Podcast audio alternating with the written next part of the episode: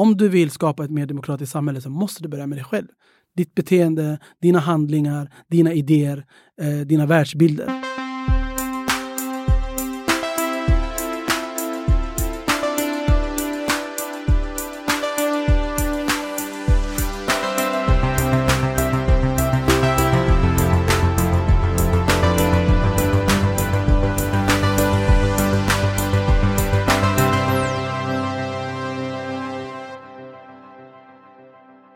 Hej allihopa, det här är Heja Framtiden. Podden där vi oförtrutet försöker att samla pusselbitar till det här stora pusslet som aldrig blir färdigt. Som kallas för framtiden. Jag heter Christian von Essen och idag pratar jag med eh, Barakat eh, Gebrhavariat som kallar sig själv för demokratiagenten. Vi diskuterar frågor kring mångfald och inkludering. Hur vi kan bli bättre, vilka ord och begrepp som vi kan använda och vilka ord och begrepp som vi gärna kan skrota. För sanningen är att vi lever i ett mångkulturellt samhälle och eh, då eh, ska alla behandlas på samma sätt och delta i att skapa framtiden. Men utopin om eh, ett välfungerande mångfaldssamhälle har ännu inte infunnit sig så länge det finns systematisk diskriminering på olika plan. Det här är viktigt att diskutera vidare för att fler ska förstå hur vi ska komma framåt. Så fortsätt lyssna, det här blir ett riktigt spännande samtal. Vi poddar från eh, Helio GT30, GT-gatan 30 i Stockholm. Tack Helio för att ni finns och för att ni gör det möjligt att fortsätta. Helioworks.se kan ni kolla in om ni vill ha kontorsplatser i Stockholmsområdet.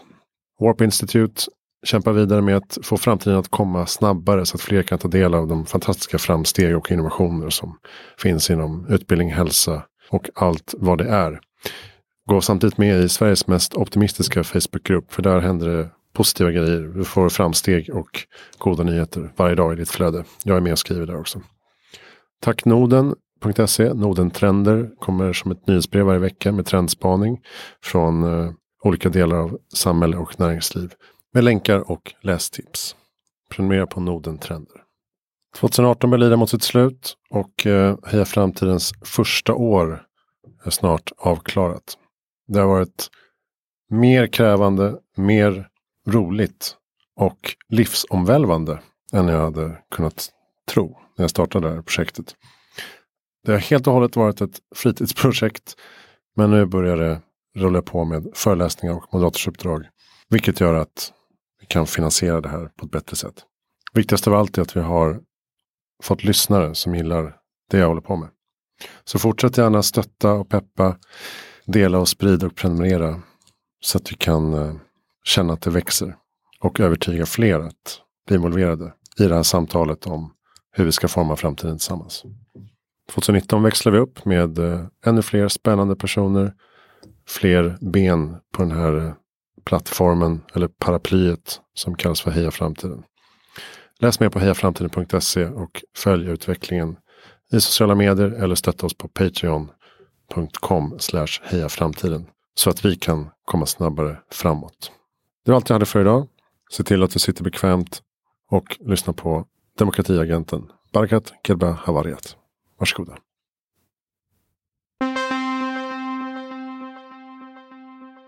Välkommen till Heja Framtiden, Barakat Gebra Havariat. Tack så jättemycket, vad roligt att vara här. Ehm, även känd som demokratiagenten. Man brukar också göra en sån här alltid. Honör, ja. Du liksom rycker ut. Jag rycker ut, exakt. Så fort det är inte demokrati någonstans. Exakt, då, då är exakt. där. Går jag ut, ja. Där och petar. Japp. Du är ju kommunikationskonsult kan man säga. Mångfaldskonsult. Ja, jag jobbar mycket med, med, med mångfald och kommunikation. Det är väl, det är väl eh, en bred rubrik på vad jag sysslar med. Du börjar bli någon slags styrelseproffs. Ja, jag börjar det. Du är eh, poddare nu på Startup Stockholm. Japp. Hur började idén till demokratiagenten då? Alltså väldigt mycket kring, kring det som, som du berättade om egentligen. Det är lite så här skojigt att måla upp det som att det är en demokratiagent som rycker ut. Men det var väldigt så mycket det började. Det började mycket med brandsläckning och eh, att människor hörde av sig för att eh, någonting hade hänt. Det var oftast eh, eh, något rasistiskt hade sagts eller någon, någon, eh, någon form av händelse som, som bottnar i diskrimineringsfrågor hade, hade skett. och då eh, blev jag uppringd oftast. Någon slags krishantering? Ja, det var en, en form av krishantering och så att, att, också se det lite som demokratiagent var ju alltså, lite med, med, med, glimten i ögat men jag är egentligen kritisk mot det sättet att arbeta på. För det blir otroligt mycket brandsläckning och det blir liksom aldrig proaktivt. Eh, och nu håller det, det, där på att förändras, vilket är, vilket är tacksamt. Men mm. när jag höll på, jag har hållit på med det här i snart 15 år, då var det mycket, och, nu har det här hänt, kan du komma och fixa det? Och jag försökte hela tiden vara tydlig med att jag kommer jättegärna, för jag älskar att föreläsa, jag brinner för det här och jag känner att jag har samhällsbärande idéer. Men att det här inte är ett långsiktigt och hållbart sätt att arbeta på utan vi måste göra det proaktivt och utifrån mm. en, en tydlig idé. Så det blev ett sätt för mig också att liksom vara med och rita om spelkartan och, och, eh, och vara med och formulera en, en agenda för framtiden. Mm, precis. Vad, vad lägger du i begreppet demokrati då? Eh, det är brett. Jag, minns när jag pluggade statsvetenskap så var jag oftast rätt så um, frustrerad över att jag tyckte att det var en så smal definition. Eh, alltså, vi, vi pratade visserligen om demokrati utifrån uh, amen, politiska system och utifrån uh, rätten att rösta och så vidare. Allt det där är mega viktigt. Mm. Men jag tycker också att för mig handlar det väldigt mycket om likabehandlingsfrågor. Uh, diskriminering, demokrati, de hänger ihop. Det går inte att säga att, att du lever i ett demokratiskt samhälle samtidigt som du har eh, diskriminering och rasism till exempel. För mig blir det intressant att prata om det just utifrån det perspektivet. Att, eh, ett, ett, eh, att prata om det också utifrån det gör man ju redan, så det är inte så att jag har uppfunnit det här, ska jag vara noggrann med att säga. Men att jag tyckte inte att det gjorde tillräckligt mycket. Och Eh, Eh, för mig var det också viktigt att prata om det utifrån demokrati för att eh, eh den tidiga terminologin som delvis hänger kvar idag det var väldigt mycket kring tolerans och integration eh, medan jag ville prata om rasifiering, representation och lika behandling och makt och social rättvisa. Eh, och det tycker jag är, gör man bäst utifrån eh, rubriken demokrati. Ja, just det, för äh, människors lika värde och ja, allas verkligen. lika rätt. Verkligen. Och, då, och då ingår det mer än att bara lägga en lapp ja, i en det tycker jag. Definitivt. definitivt. Mm. Äh, din egen bakgrund, du, kom från Etiopien från början, mm. växte upp i Tensta. Just det, precis. Mina, mina föräldrar är från Etiopien och jag är uppväxt i Tensta, absolut. Han du bo i Etiopien? Eller, äh, jag kom när jag var väldigt liten, när jag flyttade. Ja. Vi åkte via Grekland. Vi hade en, en lång mellanlandning där på två år. Uh, och jag kom väl hit när jag var fem, kanske fyra, fem. Och sen, sen dess bodde jag i Tensta hela vägen till 2011. Då flyttade jag till Södermalm. Mm. Och blev en stereotyp. Alltså jag jobbar med media, konsult och journalist. Så, jag, så det, det, är det som har hänt sen dess. Mm. När du ser tillbaks på bilden av liksom Sverige som du mm. kom till. Mm. Vad, vad minns du då? Som femåring komma till Tensta? Um, Gud, jag har, aldrig, jag har inte riktigt grävt i det där men vad jag minns när jag växte upp är att jag växte upp i ett samhälle där det fanns ett vibrerande, eh, det fanns ett vibrerande civilsamhälle. Eh, jag växte upp, jag spelade fotboll i Brommapojkarna, jag var med i scouterna, eh, jag hängde i Verdandi, eh, varje tisdagar var jag på Svenska kyrkan. Eh, jag, så jag levde i en tid när, när det omgivande samhället var som en slags extra barnvakt för mina, för mina föräldrar. Eh, och jag växte upp i en tid när det där har nedrustats och försvunnit. Och det var också det som, som eh, väckte ett engagemang mig väldigt mycket när jag, när jag växte upp. Så var det där en trigger för mig att, att, att, att arbeta med jämlikhetsfrågor. Eftersom jag såg hur det sakta men säkert blev eh, alltså skralare med, med civilsamhällets aktörer och, och eh, det, det fanns mindre och mindre att göra och eh, våra samhällen blev mer, eller mer, så här, mer eller mindre så här, åderlåtna på, på positiva samhällskrafter. Nu är, finns det en renässans i det där ska po poängteras. Att många människor från miljonprogramsområden som bor i orten eh, tar saken i egna händer och gör en hel del fantastiska saker eh, utifrån jämlikhetsperspektiv. Men jag, levde, jag växte upp i en tid när jag såg det där. Jag såg en slags förslumningsprocess där jag växte upp. Var det engagemanget som försvann eller var det? Det är väl en kombination av så stora medlen. strukturella faktor, faktorer och, mm. eh, och eh, att, att, att, helt enkelt stadsdelen och, och kommunen inte riktigt gjorde sitt jobb. Eh, så det var väl den kombinationen vilket gör att eh, jag tror att det såklart väcker en aktivistisk ådra hos mm. människor som bryr sig. Och det kryllar av människor som bryr sig uppenbarligen. Även om mediebilden antyder annat så är det faktiskt så att eh, och det, det, är också, apropå, det var också så här, jag kände aldrig igen mig i, i den bilden av, av mitt område och min kropp.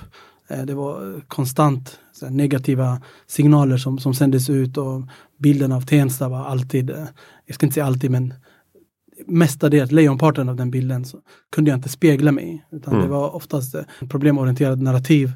Eh, och det väckte också en, en ådra i mig att, eh, att känna att så här, det här, jag känner inte igen mig i den här bilden av mig eller min plats Vilket gjorde att jag, jag intresserade mig väldigt mycket för kommunikation. Så det var nog en ingång till mig att bli intresserad av bilder och, och, eh, och kommunikation. Det, och du pluggade journalistik också? Yes, jag pluggade journalistik, exakt. Men jobbade du som journalist också? Jag har faktiskt aldrig gjort det. Nej. Um, jag läste på Journalisthögskolan och när jag, när jag gick där så var det, det, det är säkert fortfarande så att det ädlaste du kunde göra var liksom att bli journalist. Vilket är, vilket är ett fantastiskt yrke givetvis. Men det var aldrig någonting som lockade. Jag testade det på någon praktik jag gjorde i, i tidningen Folket, Eskilstuna av alla, mm. av alla ställen. Och eh, det lockade inte alls. Det lockade inte att, eh, att springa runt på uppdrag och, och, och, och så här, göra reportage. Det var inget som lockade för mig. Men sen är det också, jag har ju alltid varit eh, rätt så egen av mig. Så det var, det var ganska naturligt att jag började driva eget. Så. Men jag, jag använder min journalistik dagligen i allting som jag gör. Så jag har fått otroligt mycket mm. nytta av det. det gäller, jag ser journalistik som ett verktyg eh, och eh, du kan göra precis vad du vill med det. Mm. Eh, och det, det, är väldigt så här, stärkande att ha, den, ha den, det förhållningssättet tycker jag. Ja precis, jag menar poddar är ju också journalistik. Verkligen, herregud. På sätt och vis. Ja, ja. Um, du har ett begrepp som du använder dig av eh, som heter teoretisk ångest. I magen när man hör det. Eller? Som, som är ganska bra och jobbigt. Eh, och tolkar jag rätt som att det är liksom rädslan för att säga fel eller att man inte vet riktigt mm, alltså, hur begreppslådan precis. funkar. Alltså to- eh, rädslan för att säga fel och sen också för att få kritik för det. De mm. där grejerna hänger ihop och jag har ju gått på otaliga mångfaldskonferenser i mitt liv uppenbarligen och, eh, och efter ett tag så började man ju snosa. Det var, så här, det var väldigt repetitivt. Men det var en person eh, som eh, Nadia Isset som, som sa det här i samband med ett av mina 15 miljarder mångfaldskonferenser. Och det, det, det, fastnade. Och då sa den här personen, vi måste sluta vara rädda för teoretisk ångest. Eh, och det, bara, det connectade med mig direkt och så frågade jag vad, vad hon menar med det och eh, fick det förklarat. Och sen dess har jag, har jag liksom använt det som, som en slags eh, eh som, en, som en språngbräda för att diskutera frågorna. Och det är verkligen, för jag känner igen mig mycket i teoretisk ångest också. Kanske inte utifrån att prata om rasifiering och vithetsnorm, där känner jag mig väldigt trygg. Dels för att jag kan de här frågorna otroligt bra, men också för att jag liksom bor i en icke-vit kropp och därför har det har liksom påverkat mitt liv. Men när jag ska prata om hbtq-frågor eller när jag ska prata om eh, könsfrågor utifrån alltså jämställdhet, då har jag märkt historiskt sett att jag har blivit nervös och ängslig också. Mm. Alltså, vad, vad är det som gäller nu? Typ? Ja men exakt, och i grunden har jag ändå tänkt att det är bra att du blir nervös, därför att det mm. betyder att du bryr dig. Så jag tycker ju att det är, eh, det är positivt att du, att du, det är aldrig positivt att vara ängslig givetvis, men det är positivt att du bryr dig, att du mm. inte vill såra, kränka, diskriminera andra människor. Eh, så jag tog till mig av det begreppet och, eh, och kunde spegla mig i det och kände igen mig väldigt mycket i, i den typen av erfarenheter. Och eh, jag brukar alltid säga att, att botemedlet är ju, är ju kunskap och, och praktiskt mod. Att du, att du faktiskt vågar göra saker. Mm. För vi vet, vi, det finns vissa studier som indikerar att eh, vi gjorde en tillsammans med Länsstyrelsen bland annat, där, där vi kunde se att eh, den här typen av, av teoretisk ångest, eh, det gör att du inte riktigt vågar göra saker så att det fastnar på ritbordet. Så liksom organisationen riskerar att bli, bli förlamad. Eh, och, och, inte göra någonting alls. Och det är aldrig ett bra alternativ. Så teoretisk ångest kan ha så allvarliga praktiska konsekvenser.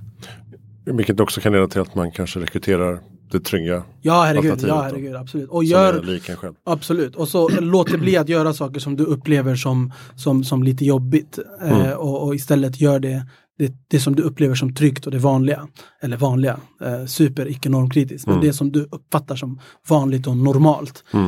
Eh, och det är helt korrekt. Och det, det finns en, en, en, överhängande risk att du gör det. Och du tycker att mångfaldsfrågor är jobbigt och så lägger du det åt sidan. Och då blir det inte gjort. Och det har ju praktiska konsekvenser för de människor som blir eliminerade och, och eh, diskriminerade utifrån din verksamhet.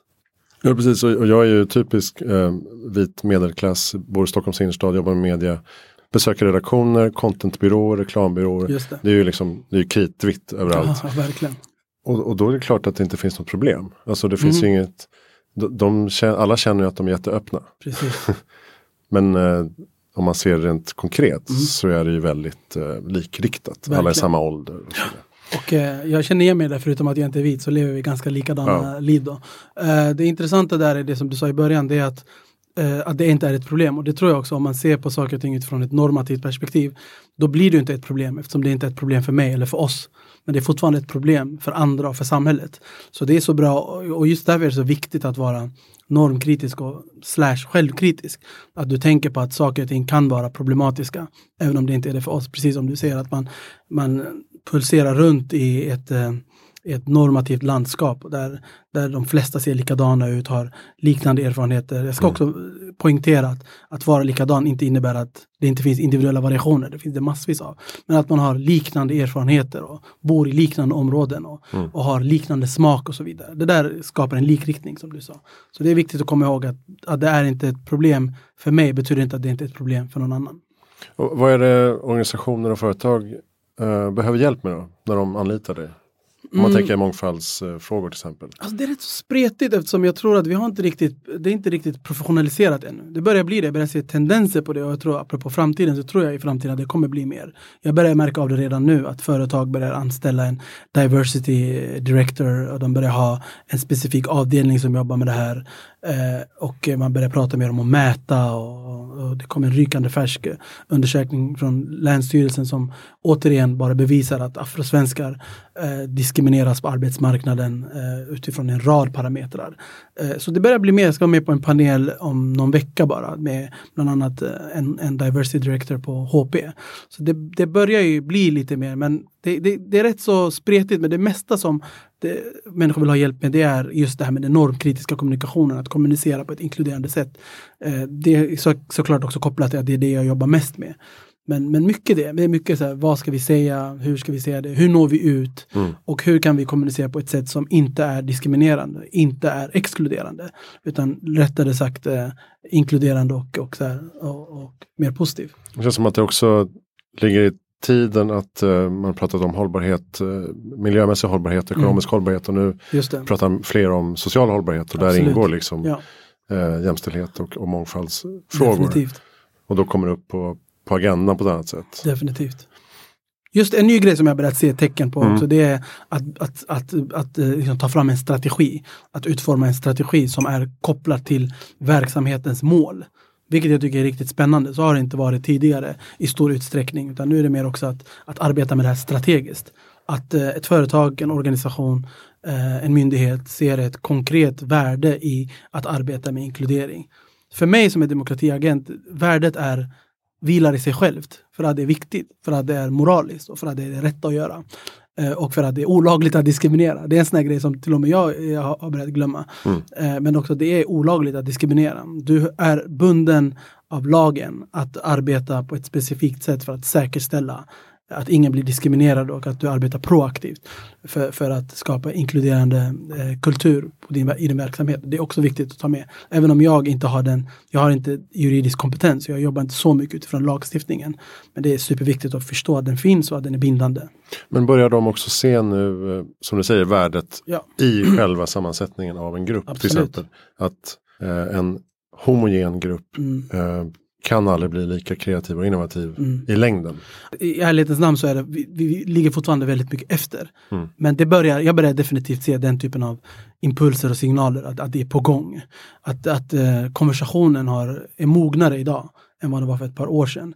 Eh, så att jag, jag ser absolut att, det, att, att folk börjar förstå vad som egentligen är rätt så självklart om du, om du verkligen stannar upp och funderar över det. det är så här, har du homogena arbetsstyrkor så kan du räkna med att eh, produkten eller policyn, alltså det vill säga utfallet av, av det du skapar, kommer följa de linjerna.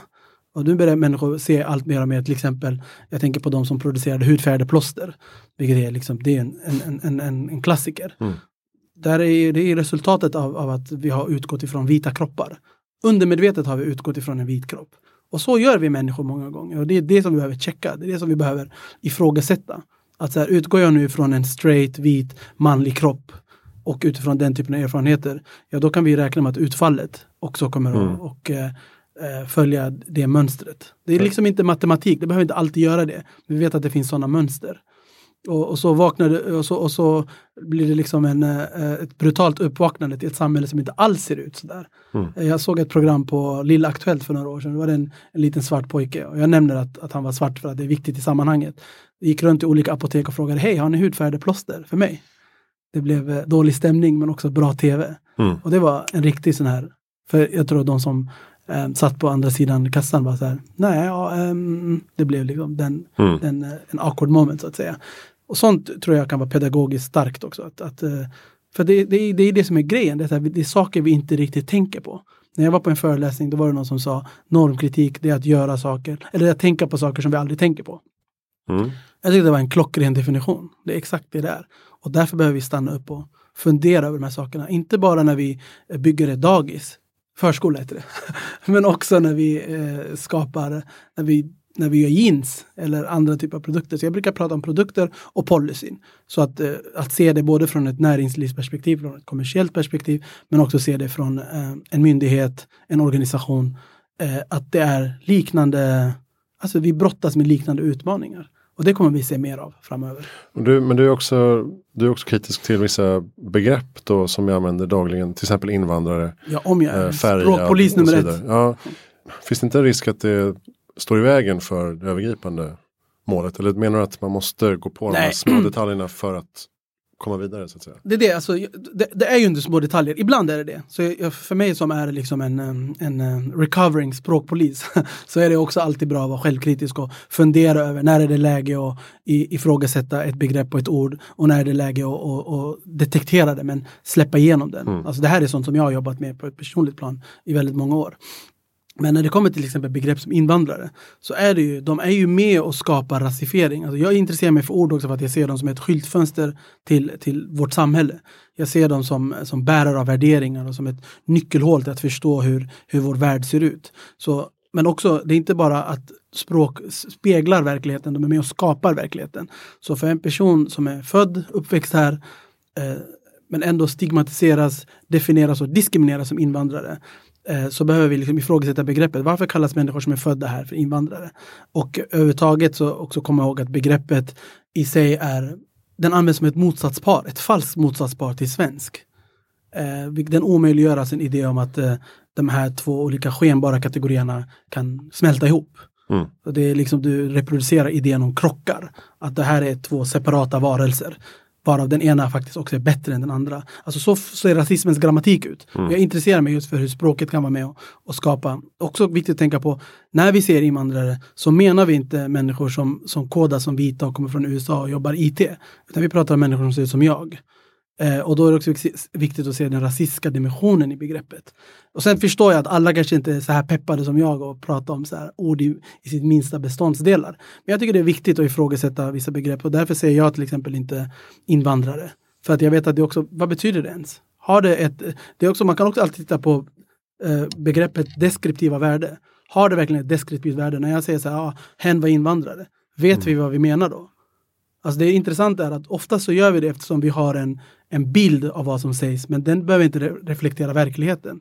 Så det, det här är för mig liksom pedagogiska verktyg för att kunna ifrågasätta större problem. Ja. Så på var, det sättet var det ett gäng med invandrarungdomar eller var det bara ett gäng med ungdomar? Exakt. Men också så här, hur vet du att de är invandrarungdomar? Är det deras definition eller är det din bild av, av vad som hände? Och framförallt, varför är det viktigt? Jag brukar prata om något som jag kallar för RR-regeln. Är det relevant? Är det rättvist? Du kommer väldigt långt genom att ifrågasätta, är det relevant att nämna en persons kön? Eh, att använda rasmarkörer eller att överhuvudtaget prata om eh, den typen av egenskaper som om de vore relevanta för historien. Det var därför jag var noggrann med att poängtera i början när jag sa en svart pojke och då sa jag det är viktigt i sammanhanget. Mm. Annars hade jag inte nämnt det. Så man kan göra väldigt mycket med ord. Ja, Mm. det fanns eh, Gustav Josefsson Tada som var med för eh, några månader sedan. Han sa någonting bra när vi pratade om framtiden. Han påpekar att vi kan inte prata om framtiden särskilt detaljerat för att vi har inte de begreppen som vi kommer ha då. Mm. Vilket eh, fick mig att tänka lite grann för att eh, bara idag när vi pratar mångfald, hållbarhet, eh, jag menar, även AI och alla sådana begrepp som vi slänger oss med som vi inte hade för 20 år sedan. Precis. Och då är det inte så konstigt att man inte kunde förutspå det så att säga. Precis.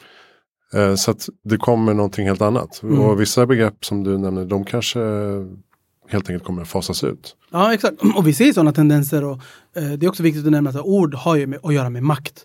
Det är intressant för att många gånger så får man oftast höra en trivialiserande och reducerande argument som säger så här, det är bara ett ord, det är inte så viktigt. Mm. Och då brukar jag alltid respondera genom att säga, om det inte är så viktigt, varför stannar du här och debatterar det? Ja, om det inte är så viktigt, varför åker du hela vägen till Göteborg från Stockholm för att vara med i SVT Opinion eller SVT Debatt? Det har alltid hetat negerbollar. Exakt, ja, precis, en bollar, precis.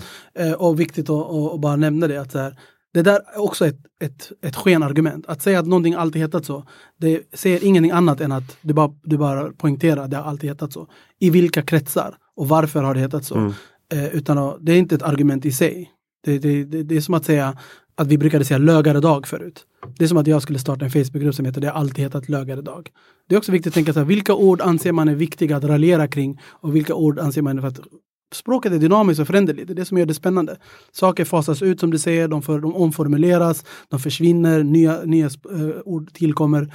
Ändå anser vi ibland att vissa, alltså många konfliktlinjer är just kring begrepp ord och jag tycker det är viktigt att poängtera. Och jag tänker på ett begrepp som färja till exempel som du nämnde innan. Det är liksom återigen, det är ett rasifierande begrepp för det utgår ifrån att vi att vit är en ofärgad, alltså att vit är bara människa, att Mm. det bara är. Medan eh, eh, andra människor anses ha färg. Och det signalerar eh, vem som är och inte är och det också har att göra med vilka som anses vara normen. Det avslöjar också vem det är som pratar, vem som har makten att berätta om verkligheten. Så det, det går att göra väldigt mycket Mm. med begrepp. Använder du själv ordet svart heller? Jag ser svart. Mm. Och återigen, det, det, det är eh, att jag ser svart är inte en intäkt för att det alltid är bra. Men jag har märkt av en, och jag pratade om det på min Instagram, ett, ett inslag jag har där att jag har märkt av att det verkar finnas en, en, en glidning åt att det finns vissa människor som tror att svart är negativt. Men det, i regel så är svart, det är en politisk identitet. Jag säger att jag är svart. Men om man skulle titta på det biologiskt så skulle, man, så skulle jag kunna säga att jag är brun. Men jag är liksom en, en identitet som jag prenumererar på så att säga. Mm. Det är liksom, jag vilar i min svarthet. Eh, och, eh, så det, det är inga konstigheter. Jag Jag kan också säga afrosvenskar så jag använder dem omväxlande. just det. Ja, precis som i USA då, African American. Exakt. Jag minns uh, Timbuktu hade, jag tror något sommarprat när han tog upp att det värsta ordet han vet är mulatt. Mm. Det är också ett begrepp som jag tror att många svenskar säger, jaha, Ja, får man inte säga det? Mm. Men det är väldigt då, eh, Alltså jag tror att tricket är också så här, vad jag har lärt mig, det är också så här att det, det räcker inte med att säga du får inte säga så här. Alltså, Nej men att eh, folk Ja, tar illa upp, tar precis. illa vid sig och då är det Exakt. uppenbarligen Ja. läge att skrota Det är viktigt liksom att förklara varför. Så jag har tagit på mig den, den, den, jag axlat den rollen att göra det eftersom mitt liv ändå såg ut sådär. Jag var alltid den som anmärkte på ord och begrepp och formuleringar och, Eh, och efter ett tag så insåg jag så här, okej, jag- det verkar som att människor, många människor lyssnar. Vissa gör inte det, men många lyssnar. Så jag tog på mig den rollen och förklara varför M-ordet är problematiskt, var, var det kommer ifrån. Att det liksom eh, historiskt bottnar i idén om så här, korsning mellan, mellan en åsna och en häst, varav ja, åsnan då är människor som rasifieras. Så att det, det är viktigt att också förstå, återigen det är ett perfekt exempel på ett ord kan vara ett skyltfönster till att förstå historia. Bärare av värderingar. Så ju mer vi förstår det, och jag, jag märker att det finns, det verkar finnas en större förståelse för det idag än, än, vad, än, vad, än vad tidigare. Så det, det gör att det blir lite lättare att andas. Och jag pratar ändå utifrån min yrkesroll ska jag säga. Sen när man börjar eh, eh, eh, på Twitter och på sociala medier eller, eller på debattsidan så är det inte alltid så positivt dessvärre. Mm. Vilket då menar du? Nej, alltså, jag, jag tror att jag, ehm, jag, jag, när jag pratar nu så jag, jag, jag tar med mig en, en, ehm, eftersom jag jobbar med det här varje dag och jobbar med det eftersom det är mitt yrke så kan jag se de här förskjutningarna som också jag kan tolka som positiva. Att det är lättare att prata om saker och ting idag, att eh, det görs mer och att eh, eh, det finns en större förståelse för varför mångfald och mångfaldsfrågor är viktiga. Men det är inte alltid det reflekteras i den offentliga debatten och diskussionen. Där det är som att leva i olika världar. Mm, just det. Så det är också en sån här paradox som ibland kan skapa, vad är det kallas, en kognitiv dissonans. Just det.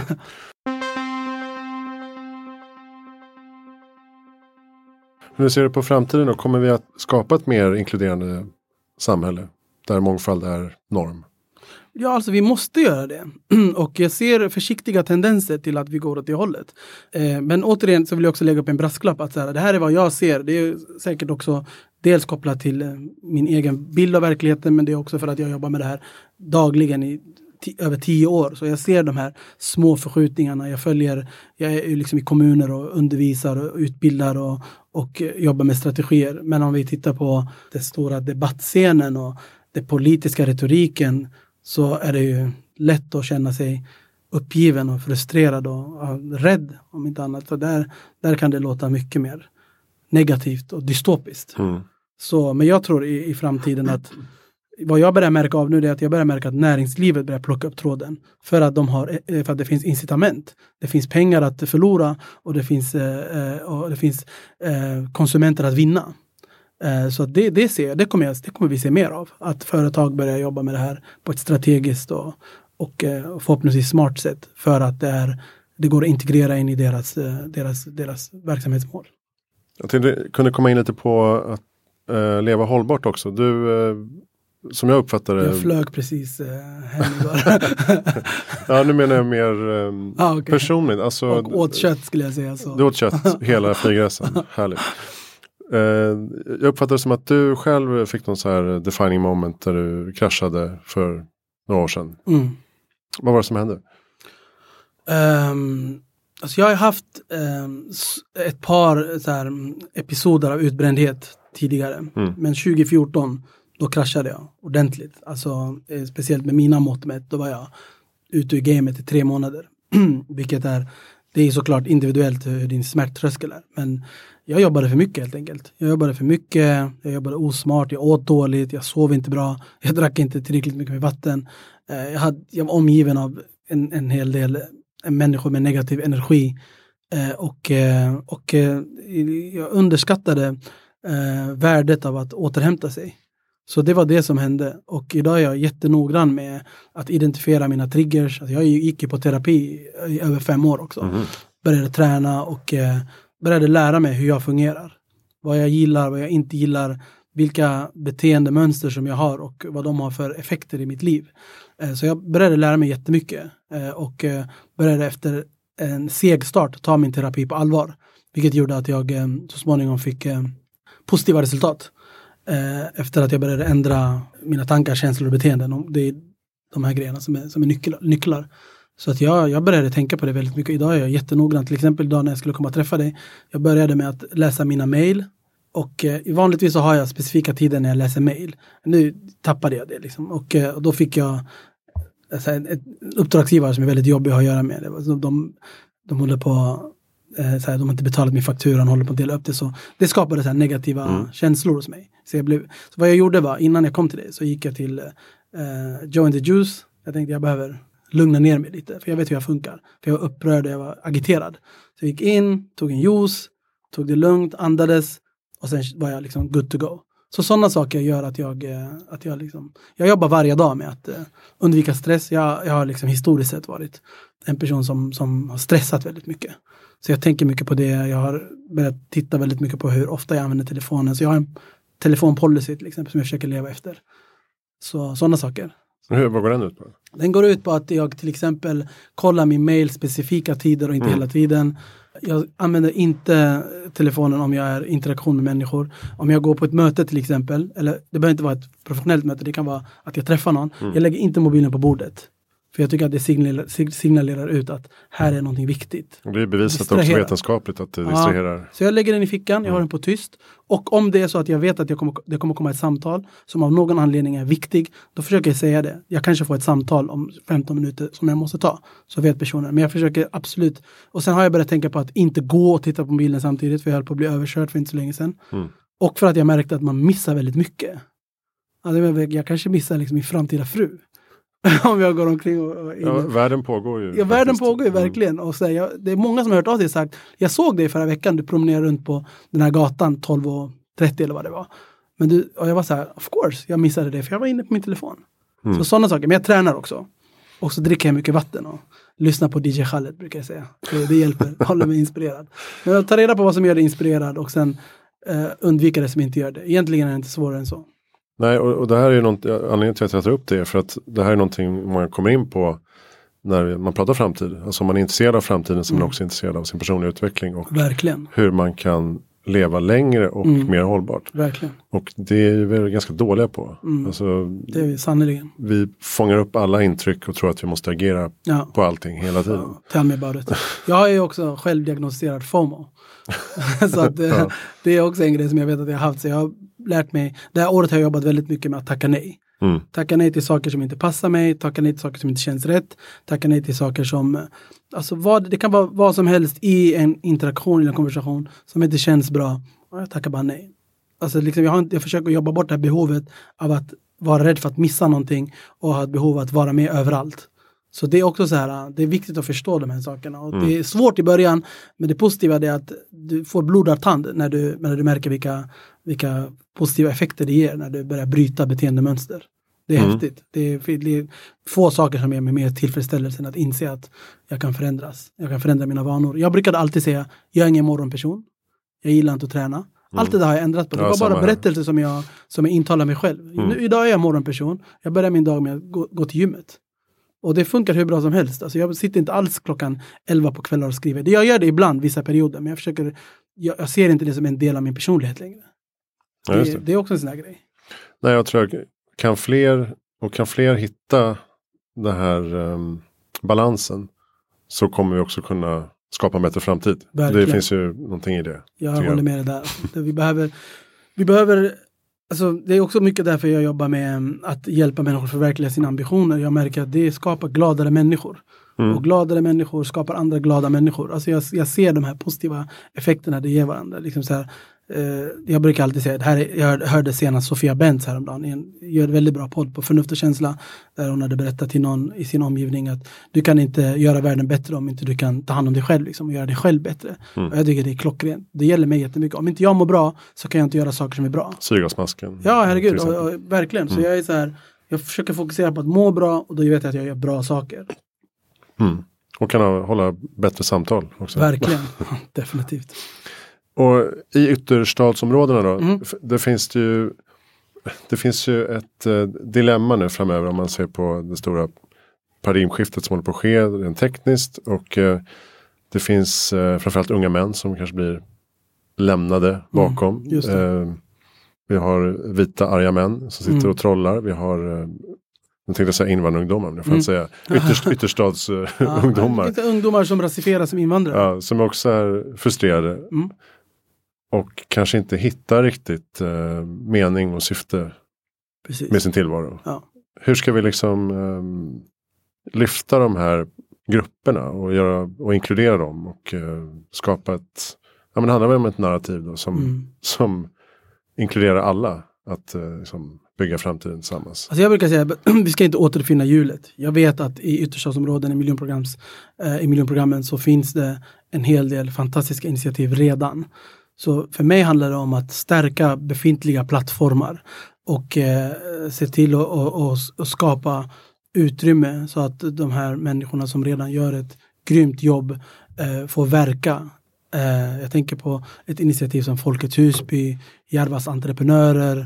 Eh, gud, det finns så många som nu får jag Ja, säga. Changers Hub. Changers. Hub, herregud. Mm. Det finns så många som gör så mycket bra. Nu är inte jag en expert på till exempel eh, vad som triggar arga vita män. Jag vet inte exakt vad det är som, som, som behövs där. Man kan väl säga att det är ungefär samma mekanismer förmodligen. Ja, alltså möjligtvis, precis. Jag, jag, jag, jag tycker liksom att det är viktigt att, eh, att inte ta beslut över människors huvuden. Jag är till exempel involverad i ett, ett uppdrag i Gislaved nu där vi jobbar med, med kommunen med att skapa liksom, eh, ett kulturprojekt utifrån principer om medinflytande och, och eh, eh, delaktighet, deltagande och demokrati. Eh, grundidén är att vi jobbar med eh, unga vuxna och vi som, som tillhör vuxenvärlden, vi ska vara eh, möjliggörare, vi ska empower. Så vi gör inte saker åt någon eller för någon, vi gör det med någon. Och jag vet att det här är något som sägs ofta och det kan låta som en klyscha, men det är superviktigt. Det är att vad vi gör är hjälper till att eh, förverkliga de mål och ambitioner och visioner som de unga vuxna har. Det är vår, vår roll att göra det utifrån ett vuxenperspektiv. Så jag tror mycket på eh, co-creation. Jag tror jättemycket på att göra saker tillsammans. Att, eh, att det inte sitter människor som inte representerar sin omgivning eller reflekterar sin omgivning och bestämmer hur saker och ting ska vara. Jag var i någon, eh, en mindre stad för några, något år sedan och föreläste och där berättade de om någon sko, en, en skola i landsbygden som, som lades ner. Helt utan eh, diskussion med, med de människor som bor där. Att ha riktiga medborgardialoger, inte så skendialoger. Men också lämna den, att ha dialoger med destination. Att inte bara ha dialoger för sakens skull, men att verkligen skapa utrymmen för människor att, eh, vara med och, och bestämma på riktigt om riktiga saker. Så, och sådana exempel finns det gott om. Eh, så jag tycker bara liksom stärk de existerande plattformarna på olika sätt. Det kan vara genom att för stadsdelen att skapa ett IOP-avtal. Det kan vara genom att eh, åka och lära sig och det kan vara genom att anställa och anlita människor från den här typen av underrepresenterade grupper. Hur kan vi bli bättre på att eh, samtala? Då? Det känns som att samtalet har en stark eh, roll i, i, att bidra till positiv kraft. Så att mm. säga, där alla känner sig delaktiga. Verkligen. Och sociala medier har väl liksom inte riktigt uh, funkat mm. alltid där mm. kanske. Hur, hur, ska vi, hur ska vi stärka det här uh, offentliga samtalet? Jag tror att vi måste bli bättre på att lyssna. Mm. Jag säger det oftast uh, när jag är ute och föreläser att en lyssnande kommunikation är en lysande kommunikation. vi behöver, speciellt vi som har plattformar, speciellt vi som i, i, i, i ett specifikt sammanhang Eh, bor i privilegierade eh, eh, kroppar. Vi behöver förstå, till exempel för mig som när jag är i, i, i rum där jag i egenskap av att vara heterosexuell man är privilegierad, så är det min uppgift att, att, att lyssna, att, att visa liksom gehör, att vara en, en samarbetspartner och inte uppleva att jag ska göra saker åt folk och veta när det är dags för mig att lämna tolkningsföreträde och vara den som lyssnar och lär snarare än att jag berättar hur andra ska göra så att jag inte um, premierar mina erfarenheter över andra människors erfarenheter. Så jag tycker det där är viktigt, så vi kan undvika monologer och mansplaining. Alltså det här är återigen varför jag tycker ord är så viktiga, är att små ord kan hjälpa oss förstå otroligt abstrakta och komplexa mekanismer. Jag har fått höra att jag mansplainar, att jag manspreadar, att jag håller monologer.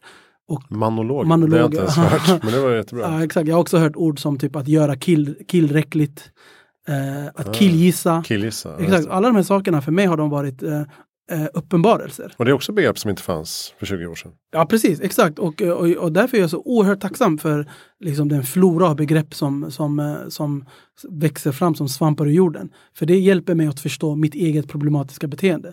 Om du vill skapa ett mer demokratiskt samhälle så måste du börja med dig själv. Ditt beteende, dina handlingar, dina idéer, eh, dina världsbilder. Alltså gör du det så tror jag att otroligt mycket är vunnet. Så jag, jag kan ju bara prata utifrån mig själv. Jag har lärt mig att bli en bättre samhällsmedborgare. Jag har lärt mig att, att, att vara mindre man så att säga. Eh, eftersom jag förstår att jag på ett omedvetet plan eh, reproducerar eh, antidemokratiskt beteende eh, i egenskap av mina liksom, socialt givna privilegier. Och det här är ingenting som jag är biologiskt född med. Det är någonting som är intränat och insocialiserat. Jag minns när jag var runt 15 hängde på fritidsgården så fanns det någonting, det fanns eh, eh, tjejkvällar. Det var två, två timmar i veckan. Och där och då tyckte jag det var den största orättvisan på jorden. Och jag gick runt och bara så, varför har vi inga killkvällar då? Och det fanns ingen liksom pedagogik, det fanns ingen vuxenvärld som förklarade för mig att alla kvällar är killkvällar. Och det har att göra med. Idag mm. finns det ju genuspedagogik och så vidare, vilket jag tycker är grymt.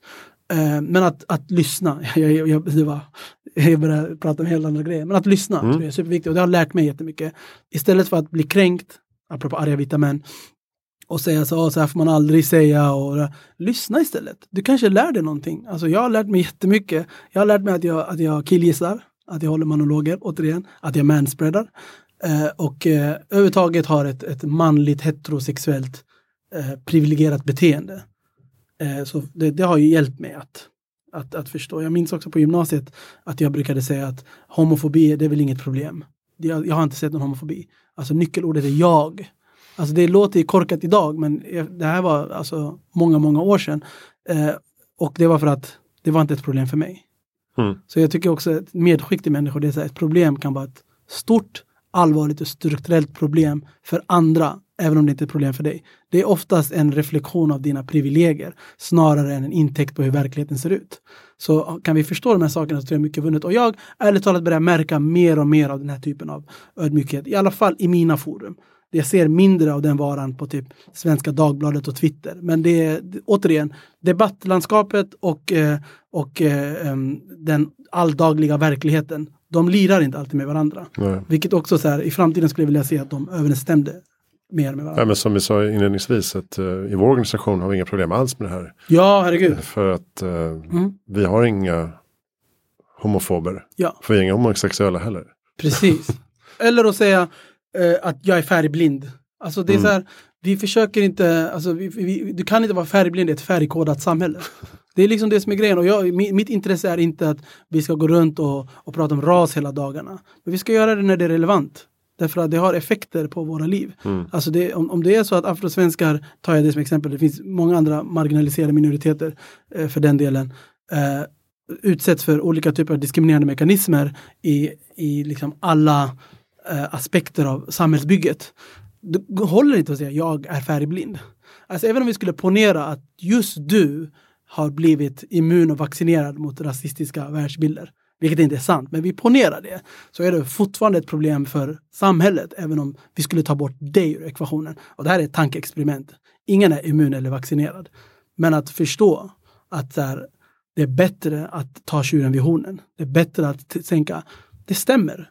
Häromdagen så gjorde jag en rasistisk analys av verkligheten. Att, att inse när du gör saker som har en antidemokratisk effekt. Jag vill också säga att intentionen är inte det som triumfar. Alltså, jag brukar säga aktionen över intentionen. Jag säger inte att syfte och intention är oviktigt. Din avsikt kan vara den ädlaste, men effekten kan fortfarande vara diskriminerande. Det där är en sån här, återigen, en, en grej som oftast är svårt för människor att förlika sig med och försonas med. Vi tänker att eftersom min inställning och min, min intention är god så kan inte heller eh, effekten, alltså det, att det, det finns en, um, att det är liksom synkroniserat med effekten. Det behöver inte vara det. Det, det, är, det måste vi också förstå i det här samtalet. I ett samtal så måste vi tänka att vi kan säga saker som är, som är rasistiska. Även om det inte är vår avsikt. Och då måste vi vara beredda, apropå samtalet, vi måste vara beredda på att be om ursäkt. Det tror jag att vi kan bli bättre på. Säg mm. bara förlåt. Och gör inte det till, en nationalsport som typ så SVT har gjort. Utan gör det för att du verkligen menar det och för att du tänker lära dig av det. Apropå, det är ingen mening att be om ursäkt och göra det som någon slags eh, en återkom, ett återkommande, återkommande mantra om du inte faktiskt tänker lära dig av misstagen. Så jag, vi behöver bli mindre prestigefyllda. Vi behöver bli bättre på att säga jag ber om ursäkt, det var inte meningen, jag gjorde fel. Mm. Vad säger man till de här eh, Sverigedemokraterna och eh, andra grupper som menar att liksom, Sverige håller på att bli någon slags eh, muslimskt samhälle och det är systemkollaps och mm. man kan inte göra någonting i det här landet längre. Vad är det de liksom har fått om bakfoten? Tror jag? Alltså jag tror mycket handlar om att ifrågasätta premisser. Alltså jag tror för det första är, jag, jag, återigen, jag tror mycket på att ställa frågor också, apropå samtal. Det är, vad menar du med att Sverige håller på att bli ett muslimskt samhälle? Varför är det ett problem? Alltså att acceptera premissen. Att vi ponerar att, eh, att, eh, att Sverige de facto, vi ponerar att 70 procent av Sveriges eh, befolkning är muslimer. Det är inte sant. Men det är också viktigt att fråga sig varför. Jag tycker inte att vi ska utan vidare acceptera problembeskrivningen att det är fel i sig. Förstår du vad jag mm. tänker? Mm. Det är en sak som vi kan göra. En annan sak är också och alltså jag tror mycket på ifrågasätta premisser. Mm. När, när till exempel någon säger invandrare eh, överrepresenterade i, i, i, statistiken. Börja med att fråga så här, vad menar du med invandrare? Hur definierar du invandrare? Varför, varför är det viktigt att nämna eh, rasmarkör eller etnicitet i sammanhanget? Jag är, alltså, gå tillbaka till den journalistiska grundfrågorna. Varför? Hur? Alltså det, det, det, tycker jag att vi generellt är rätt så dåliga på. Eller vi och vi, de som sitter i positioner att, att kunna ställa kritiska följdfrågor. Det är alldeles för, för få kritiska följdfrågor. Mm. Alltså när man till exempel så här, du, du, kan stå på tv och säga invandringen har gått för långt. Men varför frågar vi inte i sådana fall så här, eh, vem avgör det? Vad innebär för långt? När har någonting gått för långt? Och varför ställer vi inte, vi skulle kunna ställa en miljard andra frågor. Varför tycker vi just att den här rubriken är, är viktigast att, att, uh, att uh, smälla upp på våra headlines? För, för problemet blir väl att man då kastar rasistordet och så blir det tjafs istället för att det blir ett samtal? Ja, alltså, jag, jag tycker, att, här, jag tycker det är viktigt att om du, om du ska... Eh, och jag, jag, vill inte isolera rasism till Sverigedemokraterna. De, de nej, är, nej, absolut Alltså, det, jag ser rasism som en åttahövdad drake. Och det där är ett av huvudena. Ett allvarligt sådant också. Ett synnerligen aggressivt huvud, huvud dessutom. Men att det är viktigt att förklara på vilket sätt eh, partiets policy är rasistiskt. Eh, att ställa kritiska följdfrågor. Varför är det här viktigare än de här sakerna? Och att, som du sa lite grann innan, att det, det räcker inte med att säga kanske att det här är ett rasistiskt parti. Jag tror det är viktigt att förklara på vilket sätt det här är ett rasistiskt parti. Eh, och eh, det räcker med att gå igenom policy, policybeskrivningar och men, eh, titta på historiken och bakgrunden och så vidare. Det borde vara en no-brainer att, att, att säga det. För mig som jobbar med rasism utifrån ett strukturellt perspektiv så, så är det viktigt att, att vara duktig på ja, men, ifrågasätta premisser. Det är en grej som jag jättegärna vill skicka med. Mm. Och um, politikerna då, vi kommer återkomma ofta till det här att, att det, det saknas ofta framtidsvisioner hos ja. uh, de politiska representanterna. Mm. Kanske också för att de har så svårt att ta i de här frågorna. Mm. Varför är det så är man rädd för att bli nedsablad? Eller var, varför är det så himla svårt att liksom närma sig integration och mångfald på ett, på ett liksom konstruktivt, sätt. konstruktivt och långsiktigt sätt? Alltså det kan vara många saker. En sak kan ju vara att du faktiskt inte tror på det själv. Alltså jag, menar, jag kan inte utgå ifrån att, äh, att politiker som, nu pratar jag brett och generellt, är lika besjälade i det här som jag är. Jag tror ju på det här. Alltså jag, jag har ju liksom ägnat äh, lejonparten av mitt liv till att jobba med det. Det här är någonting jag gör varje dag. Alltså apropå hållbart, jag får till och med tvinga mig själv att här, steppa ur, alltså gå ur den här rollen och vara, prata om andra saker. För jag, jag är djupt passionerad över att vi ska leva i ett, ett, ett, ett hållbart, eh, inkluderande och eh, och eh, icke-diskriminerande samhälle. Eh, det är viktigt för mig från ett personligt plan, det är viktigt för mig på ett, ett politiskt och eh, socialt plan. Jag tycker att det eh, är viktigt att du ett, tror på det här. Sen tror jag att det är viktigt att det blir mer datadrivet. Att vi inte går på magkänsla eller gissar. Eh, och det är därför jag, jag börjar se att diskussioner om att mäta och så vidare, de, de börjar bli mer eh, de, de, de börjar bli vanligare idag. Och, liksom börja titta. och sen tre, också titta på eh, att följa upp saker och ting tror jag är viktigt. Och det, det tycker jag inte att man alltid gör. Men, eh, men poängen är att det är också en, ett tecken på hur det ser ut i våra beslutsfattande organ. Vilka sitter i de här beslutsfattande organen? Vem bestämmer? Och vilka är med och vilka är inte med? Jag tror också det spelar roll. Att det är viktigt att du, eh, att du har eh, nu, det här begreppet det är, ganska, det är ganska luddigt med mångfald, att du har mångfald och representation inuti. Och då kommer vi få se, eh, jag tror att det kommer hjälpa. Det, det, det, är viktigt att de som är med och driver förändring är också de människor som påverkas av de här frågorna på, eh, på, på, ett sätt. Liksom att du har människor som, som, som blir rasifierade, du har minoriteter och du har eh, kön och icke eh, kvinnor och icke-binära i beslutsfattande organ. Vi måste säkerställa representation, det är superviktigt. Och då tror jag att det här det kommer ge avsedda effekter, mer eller mindre automatiskt. Mm. Måste man ta upp eh, mångfald i hållbarhetsrapporter? Vet du? Um, jag, jag, vet faktiskt inte exakt hur det där funkar. Vad jag vet däremot är att uh, vi har en, en, ny, relativt ny, 2017 fick vi en ny eh, lag, diskrimineringslagstiftning som, är, som kräver mer av en arbetsgivare. Som signalerar tydligt att du måste jobba proaktivt med de här frågorna. Du måste också ha ett rapporteringsansvar och så vidare. Mm. Så att jag tror för eh, tips för en arbetsgivare, en organisation som menar allvar med att man vill jobba med det här, det är att börja med att, eh, att äh, inventera den nya diskrimineringslagstiftningen och se vad du faktiskt är skyldig till. Sen tycker jag det är superviktigt att också titta på, alltså från, från morotssidan. Så här, varför är det här viktigt för oss? Alltså jag ser mångfaldsarbete som, som i stora delar, liksom, det behöver vara skräddarsytt. Alltså varför är det viktigt för oss och hur kan vi inkorporera och integrera det här arbetet i vår dagliga verksamhet. Eh, istället för att söka efter generiska lösningar. En del lösningar måste såklart vara stora och, eh, och strukturella men jag tror att det är jätteviktigt att utgå ifrån syftet eh, med, ditt, e-, med din egen verksamhet. Vad är det vi gör? Vad är det för produkter vi skapar? Vad är det för policy vi jobbar med? Och hur kan vi integrera det arbetet? Så att det inte blir ett sidoprojekt. Det finns också en tendens att eh, mångfaldsfrågor brett, brett talat uh, gettoiseras. De, de blir liksom ett sidospår. De blir ett projekt vid sidan om den ordinarie verksamheten. Mm. Det tycker jag inte är ett hållbart sätt att gå utan det här måste vara en del av verksamheten, en integrerad del av verksamheten. Det är för övrigt enda gången jag tycker ordet integration är så bra att använda i de här sammanhangen. Det är integrerat i ditt arbete. Och, du pratar om att göra det mer mätbart. Då. Hur, ja. hur kan man jobba med det som liksom, rekryterare till exempel? Just det. Det, det. det, får inte bli någon slags kvotering eller Alltså, Hur tänker du mätbar? Jag tänker liksom så här, jag är öppen för att utreda, jag är öppen för att göra eh, utredningar kring positiv särbehandling. Jag är öppen för att vi ska börja se det som ett, en, ett positivt hjälpmedel. Jag ser det som du var inne på innan, liksom, att det, fin, det är en bred verktygslåda. Det finns inte ett verktyg, det finns flera verktyg som vi kan använda.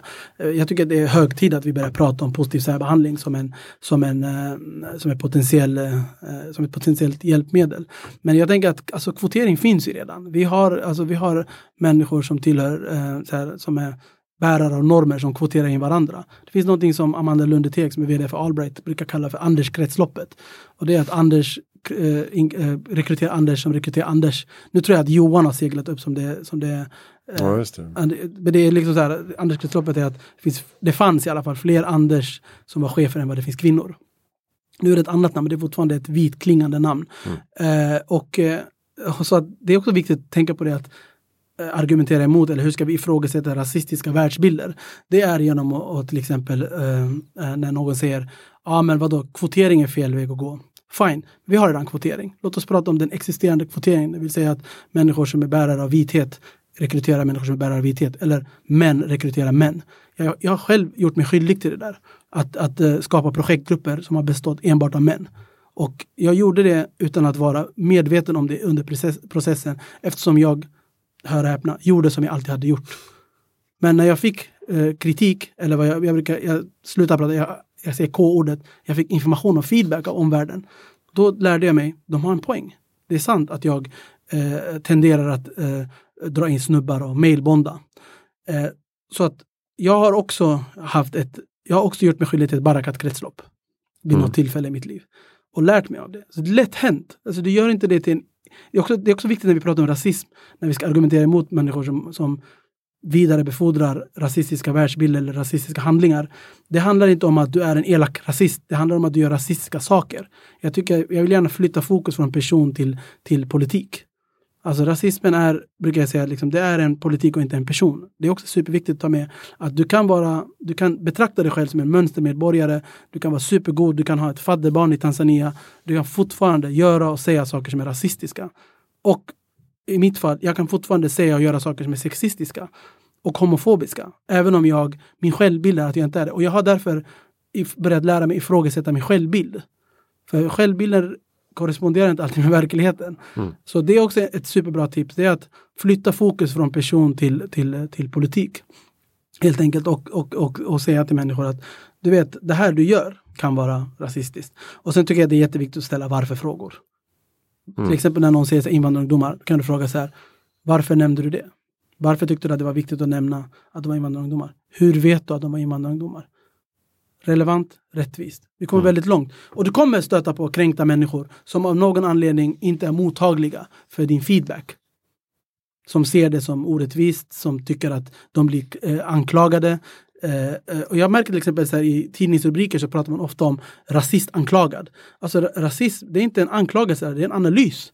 Alltså jag, jag, har inte, jag gör inte det till en sak att gå runt och anklaga människor, utan jag analyserar och ser det du sa och gjorde är rasistiskt. Vi måste kunna göra det utan att vi blir kvävda med, med idéer om att vi slänger ut någon slags imaginärt rasistkort. Alltså det är också att spela på, antyda att människor som är marginaliserade har hemliga privilegier. Typ. Att det är liksom ett privilegium att gå runt och kasta något rasistkort. Det där är, det är, inte, det är inte faktiskt, det är inte riktigt. Det är inte så att jag tycker det är kul att prata om rasism. Alltså, det fanns en, en jag försöker komma ihåg om det var Nazli, tror jag hon heter, på Instagram, gjorde en jätteintressant tankeövning som connectade väldigt mycket människor. Det var, vad hade du gjort om det inte fanns rasism? Det var jättemånga människor som rasifierades och blev utsatta för, utsatta för rasism som liksom eh, kunde relatera till det. Och den här eh, frågeställningen, den blev viral. Och mm. det är så här, hade inte rasism funnits, då hade jag gjort helt andra saker. Det är inte så att människor som jobbar med antirasism eller jämställdhet eller hbtq-frågor tycker att det är roligt eller det är inget, så här, det är inget romantiskt yrke. Människor blir utbrända av det här. Det, det tar på krafterna. Eh, jag har blivit utbränd. Min utbrändhet, eh, speciellt i tidig ålder, hade mycket att göra med diskriminering och, eh, och eh, att jag blev utsatt för rasism. Och att jag arbetade med de här frågorna hela tiden. Att jag kände att jag var tvungen att ta ett oproportionerligt stort ansvar för frågor eftersom eh, eh, institutionen jag var i, i det här fallet Stockholms universitet, inte gjorde det. Eh, platsen jag växte upp i, Tensta, i, det här, i det här avseendet, stadsdelen, inte tog sitt ansvar. Vilket gör att många människor som utsätts för diskriminering av olika slag blir tvungna att ta det ansvaret. Det kom en studie av gamla Ungdomsstyrelsen, MUCF tror jag de heter nu, eh, kom fram, påpekade det som vi redan visste, att det mesta och det bästa av det här, här arbetet kring inkludering och integration inom stationstecken görs av, av människor på plats. Det görs av etniska föreningar, det görs av ungdomar som, som, som är rasifierade eller som blir rasifierade. Eh, och, eh, vem har gjort jämställdhetsarbetet historiskt sett och idag? Kvinnor. Så det också, eh, finns ju också en, en en eh, kampanj eller en, en, rörelse om att vi män ska ta större ansvar i jämställdhetsarbetet, vilket är fullt rimligt. Och att människor som är privilegierade tar större ansvar. Så ett medskick också för oss som, jag är privilegierad i vissa sammanhang. I vissa sammanhang så är jag marginaliserad. Eh, det tog ett tag för, för, min resa. Det är en resa att, att lära mig det och acceptera det. Eh, I början var jag också rätt så lättkränkt. Så fort jag fick höra att så, ja, men det där är snubbigt eller det du gjorde si och så så kunde jag liksom agera och så här, min respons och reaktion kunde vara How dare they, jag är demokratiagent. Mm. men, men jag har lärt mig att, uh, att um, förstå att jag har privilegier. Jag har inte bett om dem, det är ingenting som jag ansökt om, uh, men jag har fått det. Och då är det viktigt att använda det uh, för att hjälpa andra människor. Det var några, några år sedan som människor som hade privilegier delade med sig av sina plattformar på Twitter. Så de lånade ut Twitter till till exempel människor som var rasifierade en vecka. Och det är ett, ett konkret och konstruktivt sätt på hur du kan använda eh, det faktum att du bor i en maktbärande kropp på ett konstruktivt och produktivt sätt. Mm. Jag brukar alltid prata om Michel Foucault, han brukade säga att makt är varken negativt eller positivt, det är produktivt. Och det, jag tror att det är så bra att förstå det, att, att vi har ett förhållningssätt till makt. I Sverige har vi en tendens att se makt som något negativt. Vi ser inte ens makt, vi ser inflytande. Mm. Alltså för, för en språkpolis märker det. Och jag är så här, jag pratar gärna om makt. Jag vill ha mer makt. Eh, jag har fått mer makt, eller jag har tagit mer makt med åren. Eh, och eh, jag försöker göra så bra saker som möjligt av det. Lyckas jag varje gång? Absolut inte. Har jag mycket att lära mig? Definitivt. Men jag har i alla fall kommit till en punkt i mitt liv där jag förstår att jag kan inte bara prata utifrån en marginaliserad position. Jag måste också lära mig att se världen och prata om världen från den privilegierades position. Och det har gjort mig till en bättre person och det har gjort mig till en, till en mycket gladare och till en eh, mer ödmjuk människa. Mm. Och det har också gett mig antenner för att förstå hur, diskriminering, hur komplex diskriminering kan vara och hur, hur demokrati inte är ett abstrakt fenomen utan det är någonting vi gör varje dag. Det är ett görande, det är ett verb som jag tror att Alexandra Pascalidou sa vid något tillfälle. Demokrati är ett verb, det är någonting vi gör varje dag. Något som jag tycker är svårt är att prata med eh, mina barn om sådana saker. Ja. För de är ju, går ju en supervit innerstadsskola. Mm. Och um, jag kommer ihåg när, när, när Oprah Winfrey hade sitt um, tal, var det Emmy-galan kanske? Just det, det var det ikoniska talet, jag tror det. Ja, och så började folk prata om att fan, Oprah for president. Mm. Kommer hon ställa upp? Alltså, ja. som eh, Istället blev det Donald Trump. jag vet inte om det här var efter. Nej, men, det var säkert efter. Men eh, i alla fall, och, då, och så tittade jag på det här talet på Instagram och eh, mina barn kollade. Och min dotter är ju nio, hon var väl åtta mm. då. då. Mm. Och så jag bara, shit, kolla. Alltså, eh, Oprah Winfrey kanske eh, kan bli nästa president. det. det vore ju väldigt coolt. Ja. Hon bara, varför det? Jag bara, ja men för att, eh, ja men en svart kvinna som president. Hon bara, jaha. Vad är det för Just speciellt det. med det då? Jag bara, ja nej men det är ju för att det aldrig varit en svart kvinna. Hon bara, vad spelar det för roll om hon är svart eller vit? Mm. Och så var jag så här, ska jag gå in på hela liksom, bakgrunden jag fick en tankeställare. Mm. För så här, ska, man, ska man väcka den björnen, liksom, mm. att hon börjar lära sig att det är skillnad på svart och vit? Just det. Eller ska man bara säga att den här kvinnan vill bli president. Mm. Eh, hon är jätteduktig. Kan jag rimligtvis också fråga varför är det viktigt att hon är kvinna? ja, ja, det är också, precis. Men det är mer för att så här, ja, det är för, första, skulle vara första kvinnan då. Exakt. Men, men det är jätteviktigt att ja. få barnens perspektiv på det. Här. För de vet ju inte någon skillnad. De tycker alltså, inte det är någon konstigt. Jag tycker alltså, det är en alltså, sån viktig fråga du lyfter. Då. I en idealvärld så har vi liksom en, en, eh, en, eh, en fantastisk skola som kan fungera som en, eh, alltså en demokratisk plattform, vilket skolan just ska vara. Men vi vet också att skola, skolorna tenderar att missa och inte ha kompetens i att prata om de här, de här frågorna som har att göra med rasifiering och, och diskriminering baserat på etnicitet och hudfärg till exempel. Och så att, så att det, är ju, det är en svår nöt att knäcka och jag tycker att det är upp till varje förälder det, eh, att ta eh, sitt beslut baserat på sina egna förutsättningar. Jag har, jag, har inga, jag har inga barn just nu, men jag tänker också på den dagen när jag kommer få barn. Eh, och eh, jag har brorsbarn eh, och jag tänker på mina barn kommer vara svarta och eh, de kommer ju utsättas för diskriminering. De kommer ju bli, alltså för, för barn som är svarta till exempel har ju inte det privilegiet att att inte se rasism så att säga. För det drabbar dem. Så det är ju, från ditt perspektiv blir det mer att prata om eh, alltså att, att, att din dotter liksom har undvikit att se det här. Det, det kanske är ett privilegium, eller det kanske är att eh, som du sa innan, hon lever in, går i en vit skola sa du? Ja, men hon har svarta lärare ja. det, det, hon har haft indiska lärare. Liksom, men, men hon har inte förstått att det är någon Nej. skillnad. Nej, exakt. Förstås. Alltså det, det är en tuff fråga om jag ska vara helt ärlig. Hur länge ska du låta barn få vara barn på något sätt? Mm. Det, det, är en jättesvår fråga, jag har verkligen inget svar på det. Jag, jag, har, jag har ett mått av ångest kring det där. Men jag försöker också vara förberedd. Jag måste vara förberedd för att kunna besvara frågor. Jag tänker också på att jag, om jag får eh, barn som definieras som, som pojkar, så måste jag också kunna prata om pojkprivilegier och att, vara, att växa upp som man. Och samtidigt måste jag prata om hur det är att det kommer komma, världen, världen kommer att knacka på dörren. Och Mm. Den tenderar att göra det tidigare för människor som är marginaliserade, som utsätts för rasism. Eh, vi vet till exempel i USA, det finns studier som visar att, att människor tenderar att se svarta pojkar som, som äldre än vad de egentligen är. Eh, så verkligheten kommer ut och bli liksom Tammy Rice blir skjuten för att han hade någon, någonting som såg ut som... är, den problematiken finns ju också. Att, Mm. att jag får dagligen höra om berättelser och historier om eh, svarta barn eller icke-vita barn som eh, liksom blir drabbade av rasism.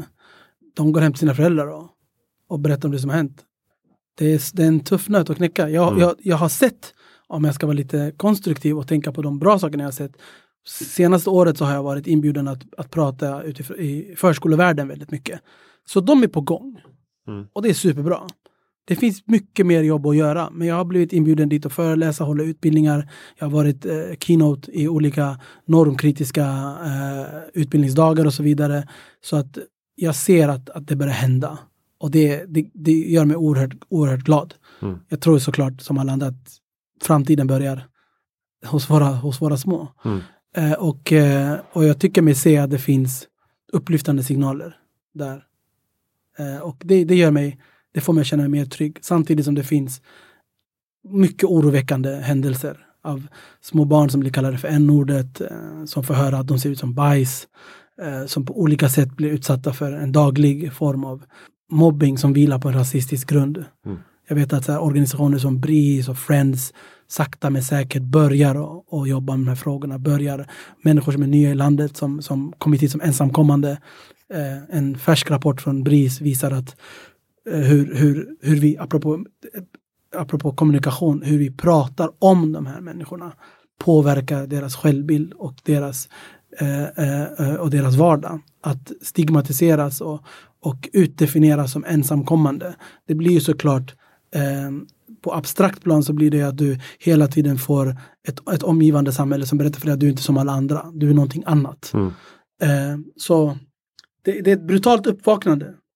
Skulle man kunna säga. Så att den här historiska svenska strutsmentaliteten.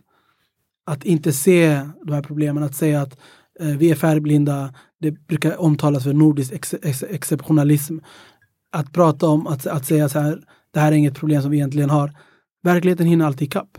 Alltså vi, vi har och har haft problem med rasism i Sverige sedan många, många decennier tillbaka. Vi ska komma ihåg att Sverige var en spetsnation inom rasbiologisk forskning och exporterade kunskap, pseudokunskap om raser och var med eh, och, och om inte annat, särskilt på ett intellektuellt plan och legitimerade kolonialism och andra typer av, eh, andra typer av ideologiska otyg. Carl von Linné var den första att systematiskt eh, eh, hierarkisera människor i olika raskategorier. Mm. Homo europeus på topp, homo afer längst ner. Så vi behöver också förstå den delen av vår historia för att förstå vår nutid och för att kunna approacha framtiden på ett konstruktivt sätt. Mm.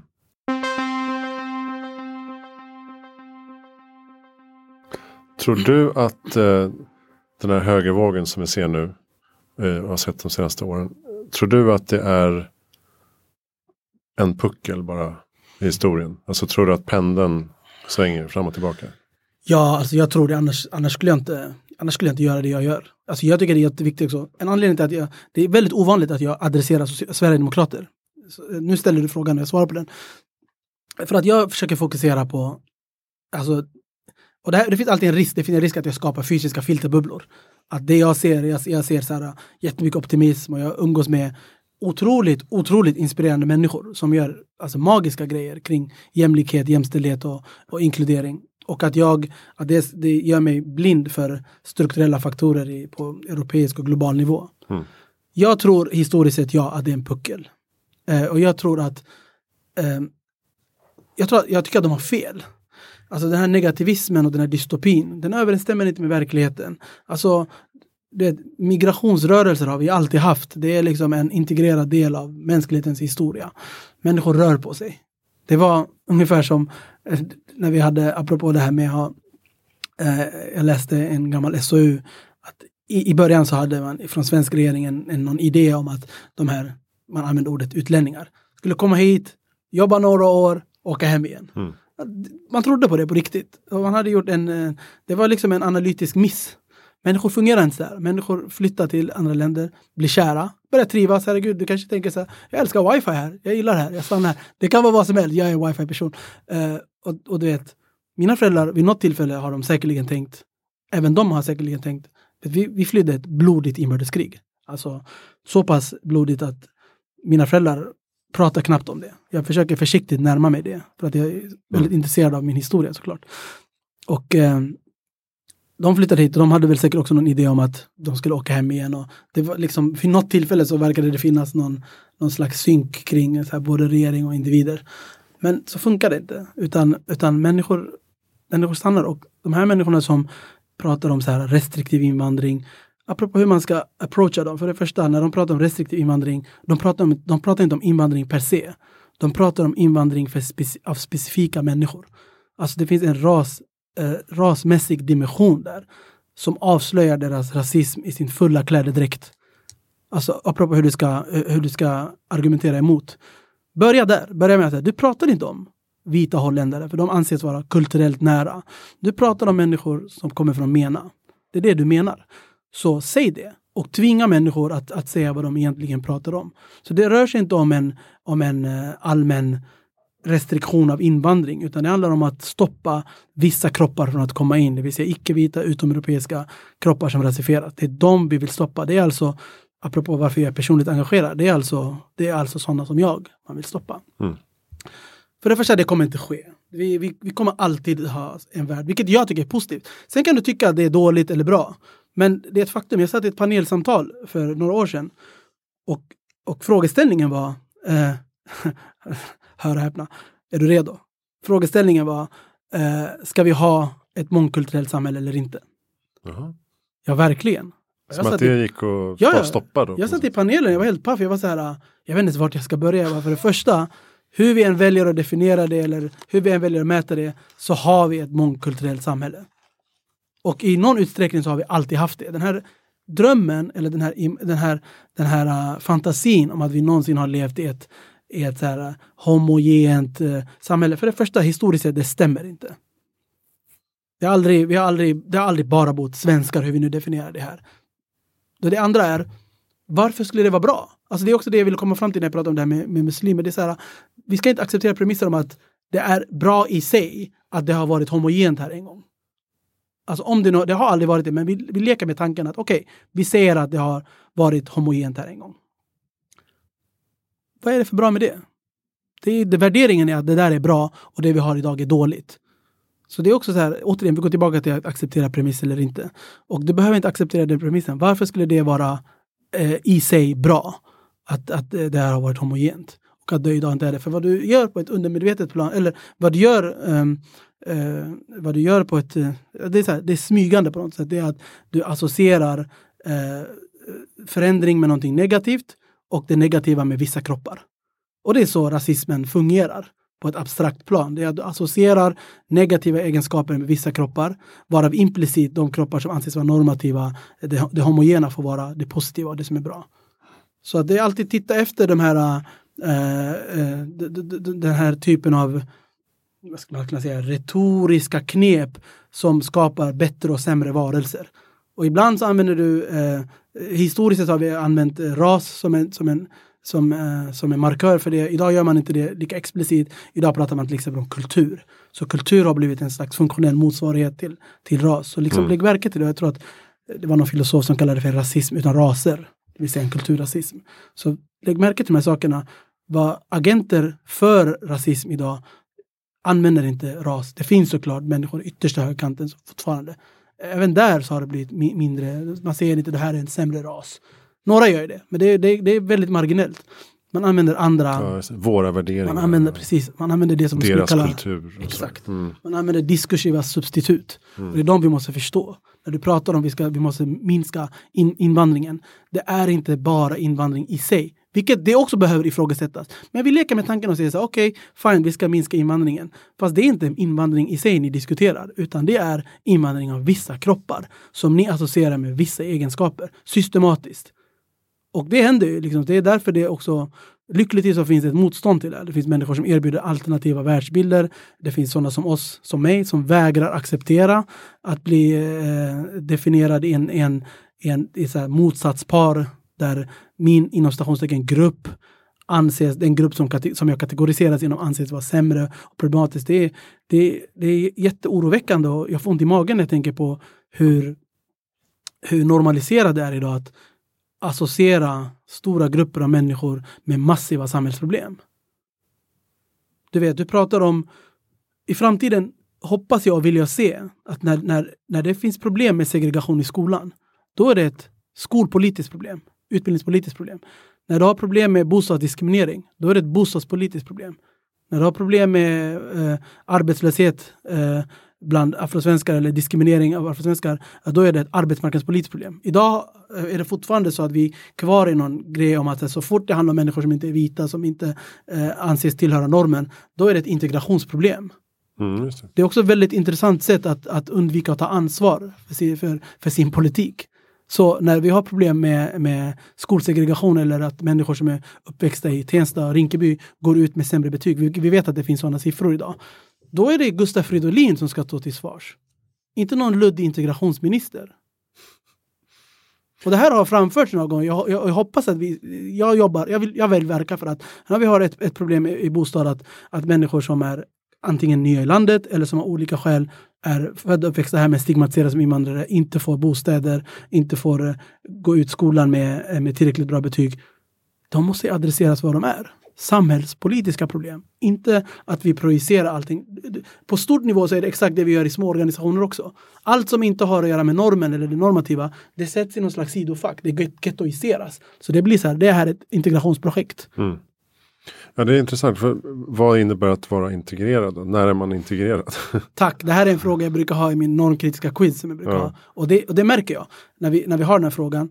Det skapas ett otroligt surr i lokalen. För att jag märker att många har inte har fått getts möjligheten att stanna upp och fundera över det. Och det är därför jag tycker ord är så viktiga.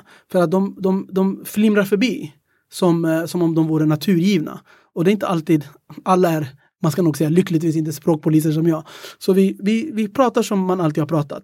Men vissa ord och begrepp är värda att stanna upp och reflektera kring. Mm. För att försöka förstå, som du sa innan, när är man integrerad? Vem bestämmer det? Varför pratar man bara om integration kring vissa grupper? Mm. Och jag menar, politiskt skulle man nog säga att ja, men jag menar integration som i att man får tillgång till bostad, jobb och eh, ja, liksom, eh, omsorg. Men eh, i folkmun så innebär ju integrerad att man anpassar sig till våra värderingar. Exakt. Och det är det, ser vi, vi må, och det är det, det som blir så konstigt. Det här är ett perfekt begrepp som används, eh, den används överallt och hela tiden. Men den, betyder, den kan betyda väldigt många olika saker. Den används på olika sätt i olika forum och i olika, eh, i olika sammanhang. Men det är lite som, som du ser, alltså i, i folk, jag har ju märkt att när jag gör de här övningarna i folkmun så är det, har den kommit att handla om anpassning till slash mm. svenska värderingar. Också ett jätte eh, Eh, substitut också för att använda. Alltså när, vi, när, vi, när, när, man börjar associera vissa grupper som inte har svenska värderingar. Vad du egentligen implicit säger att svenska värderingar är fantastiska. Svenska värderingar kan vara bra. Jag pratar hellre om värderingar. Vad är svenska ja, värderingar? Jag pratar hellre om värderingar i Sverige. Så. Jag försöker avessentialisera det. Vad är svenska värderingar? Det är precis som när Sverigedemokraterna säger våra värderingar. Jag bara, mm. men det är inte min, mina värderingar. Vad, vad, är våra värderingar för Precis. Det kommer alltid finnas en, en konflikt kring vem som äger de här värderingarna och vad det innebär att vara svensk och vad svenskat är. Sen är jag också lovligt trött på att vi pratar om svenskhet som om det vore en guldmedalj. Mm. Uh, jag fattar att det där är liksom essensen i nationalism. Det här är samma, samma sker i Etiopien. Etiopien tycker att det är det mest fantastiska folket på jorden. I Etiopien särskilt. Ja, det är klart. Men det är också viktigt att förstå liksom hur de här mekanismerna är kopplade till, till makt och exkludering. Precis som du säger, så här, om du ska prata om liksom en exklusiv, i bemärkelsen exkluderande svenskhet, så måste du också förstå att det kommer finnas grupper som, som, inte kommer, som kommer falla ut, utanför de här ramarna. Eh, och för mig är det bara viktigt att prata om svenskhet utifrån eh, resurser, utifrån eh, lika behandling. Jag är inte intresserad av att definiera som svensk eller att få någon slags validitet om att jag är svensk som du. Jag bryr mig inte om det där. Vad jag bryr mig om det är att inte bli diskriminerad. Jag vill inte bli utsatt för rasism. Eh, och jag vill ha mina eh, rättigheter tillgodosedda. Och jag vill att eh, leva i ett samhälle där jag har samma förutsättningar att förverkliga mig själv som alla andra. Det är det jag vill ha. För mig personligen. Sen är det fritt, var, fritt för var och en eh, på ett individuellt plan att förhålla sig till svenskhet. För mig är det, jag ser det på ett ganska, för mig är det, jag ser det på ett ganska, på ett nyktert sätt. Jag, jag eh, finns situationer då jag, då jag säger att jag är svensk. Jag försöker bara komma bort ifrån det här ärandet. Alltså att det är en essens. Utan jag bor i Sverige, svensk medborgare och det finns många saker eh, som gör att jag kan abonnera på en svensk identitet. Eller svenska identiteter rättare sagt. Eh, och det finns vissa saker som jag inte erkänner, precis som du sa, det där är ju inte mina värderingar. Mm. Att bara förstå att så här, prata igenom svenska värderingar, hellre värderingar i Sverige, men förstå också att de här är så abstrakta storheter och de är, de är, inte, de är sociala konstruktioner. De är inte naturgivna. Liksom. Jag har märkt, jag var föreläsare för några gymnasieungdomar en gång och de connectade rätt så bra med det när jag pratade om, de bara, ja, men, eh, jag sa så här, visste ni om att Sverige inte alltid har funnits? Alltså det var lite som en aha-upplevelse. Vad menar du med det? Då förklarade jag så, ja, men det, gränserna har flyttats många gånger. Alltså nationen, nationalismen har en födelse. Vi har, vi, har, vi har funnit en värld där nationalstater inte existerade. Nej, de kommer vi tillbaka till, allt är påhittat. Precis, vi, form, alltså, vi formerade oss utifrån andra vad jag, vad jag försökte säga innan att jag ser det mer nyktert, det är att jag ser det lite grann vad det är. Det är det organisatoriska, det är ett sätt att formera och organisera sig. Och, och när vi pr pratar om normer så brukar vi alltid säga, jag brukar alltid säga att alla normer är inte dåliga. Normer är inte negativt i sig. Alltså vi behöver normer för att bygga verksamheter, för att bygga nationer. Alltså det är bra att ha eh, uppsättning, regler och lagar. Vi måste ha det. Eh, men att det är viktigt att tänka på de här gränserna som vi instiftar, både psykologiska och faktiska gränser. De inkluderar vissa och exkluderar andra. Och det är viktigt att se till att skapa så generösa och så eh, öppna eh, organisatoriska enheter som möjligt. Nu blir jag väldigt teknisk. Eh, men att förstå att de är sociala konstruktioner, det tycker jag är jätteviktigt. Och jag har samma inställning till min etiopiskhet också. Att det, det finns många saker som jag kritiserar och som jag ser som sociala konstruktioner som, inte, som, du, som jag inte vill eller bör ehm, eh, upprätthålla. Jag har haft mm. många konflikter med min mamma om det här. Att eh, hon säger så här, men det är för att det, bara, det är så. Sen jag, så vadå? Sen jag var liten, jag har alltid varit ifrågasättare. Sen jag, här, vadå är så? Jag, bara, jag tycker inte att det är coolt. Men det är så vår tradition är, det är så vår kultur är. Mm. Och då är jag så här, fast, ändra den ja men precis, och då är jag så här, låt oss ändra det liksom. Och det är nyckelordet, att förstå att kultur kan vara på ett normativt sätt jag tycker bör vara och eh, eh, eh, så här föränderliga. Kulturer är föränderliga. De är föränderliga, de är flytande, de är dynamiska. Det är inget som bara finns och alltid kommer finnas. Det är liksom inte, och det är därför ett annat ord som jag har haft väldigt svårt, det är kulturkrockar. Idén om att, om att, här, äh, att kulturer krockar, de är statiska, hårda eh, eh, kategorier som krockar med varandra. Istället för att de smälter in i varandra, flyter in i varandra. Finns det situationer där, eh, där, eh, där det finns, liksom, där det inte riktigt lirar med varandra? Ja, absolut. Men att min inställning, mitt förhållningssätt till kultur är att det är mer flytande och dynamiskt än vad, vad det låter som i den offentliga diskussionen. Alla är människor. Ja, herregud. Um, vad ser du mest fram emot i framtiden? alltså jag ser fram emot mindre dystopi och mindre negativism. Och därför blev jag också otroligt glad när, du, när jag fick ett mejl från dig. Bara namnet Framtiden var en positiv trigger för mig, men också när du berättade att vi vill prata om hur vi, hur vi tror att ja, men vi, vi vill bjuda in gäster som har en, en framtidstro och optimism. Och, och jag vill gärna tro att jag är en sån person, så jag blev väldigt glad att, att, att du hörde av dig till mig. Så jag, jag, jag ser fram emot så här fler när det kommer till att arbeta med mångfald, de här små eh, försiktiga tendenserna som jag ser, jag ser fram emot att de, att de växer. Att vi liksom i framtiden, att det är en självklarhet att, att, att ha inkludering på agenda. Att vi förstår att Anders-kretsloppet är inte rätt väg att gå. Och att, eh, att vi liksom, jag tycker om att komma till Stockholm. Stockholm har förändrats de senaste 10-15 åren kanske. Stockholm är en blandad stad. Verkligen. Alltså jag gillar det jättemycket. Och jag börjar se mer av det. Så jag, jag, jag, jag, jag, det är därför jag älskar att vara till exempel i New York eller andra städer eh, där, liksom, där det är mer blandat. För jag kan spegla mig i fler människor och det känns som att vara mer, liksom, jag bara gillar det. Och det är så här, jag ser fram emot att Stockholm ska bli ännu mer blandat. Och, eh, och att, att det ska synas. Det här ser jag fram emot. Jag ser fram emot att Stockholm är och fortsätter bli ännu mer blandad. Och jag ser fram emot att det ska reflektera sig i billboards och i styrelser framöver. Mm. Stockholm för alla. Verkligen. Och av alla. Vem tycker du vi ska intervjua? Oh my god, det här är så svårt. Men jag skulle, um, top of mind så tänker jag på Suad Ali. Mm. Det är, uh, ja, jag tycker absolut ni ska intervjua henne. Men Ja. jag, jag kan mejla dig 400 namn sen om du vill. Ja, gärna. Jag kom på jättemånga men Nej, men hon är på listan. Men jag, Ah. Absolut 2019. Ah. Det låter jättebra. Japp. Har du något bra lästips för den som är intresserad av de här frågorna? uh, oj, um, lästips, lästips, lästips. Eller um, poddtips? Eller...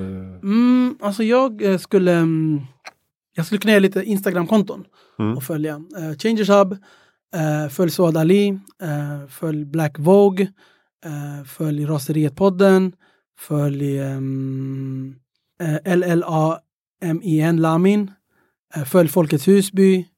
Ja, det finns många, men följ många. Alltså när ni börjar följa de här kontona så kommer ni eh, hitta andra intressanta, spännande namn. Bra. Tack snälla Barkat Tack så för att du kom jättemycket för att du komma hit. Heja Framtiden fortsätter rulla vidare nästa vecka. Och allt du vill veta finns på hejaframtiden.se. Jag heter Christian von Essen. Tack för att du lyssnar.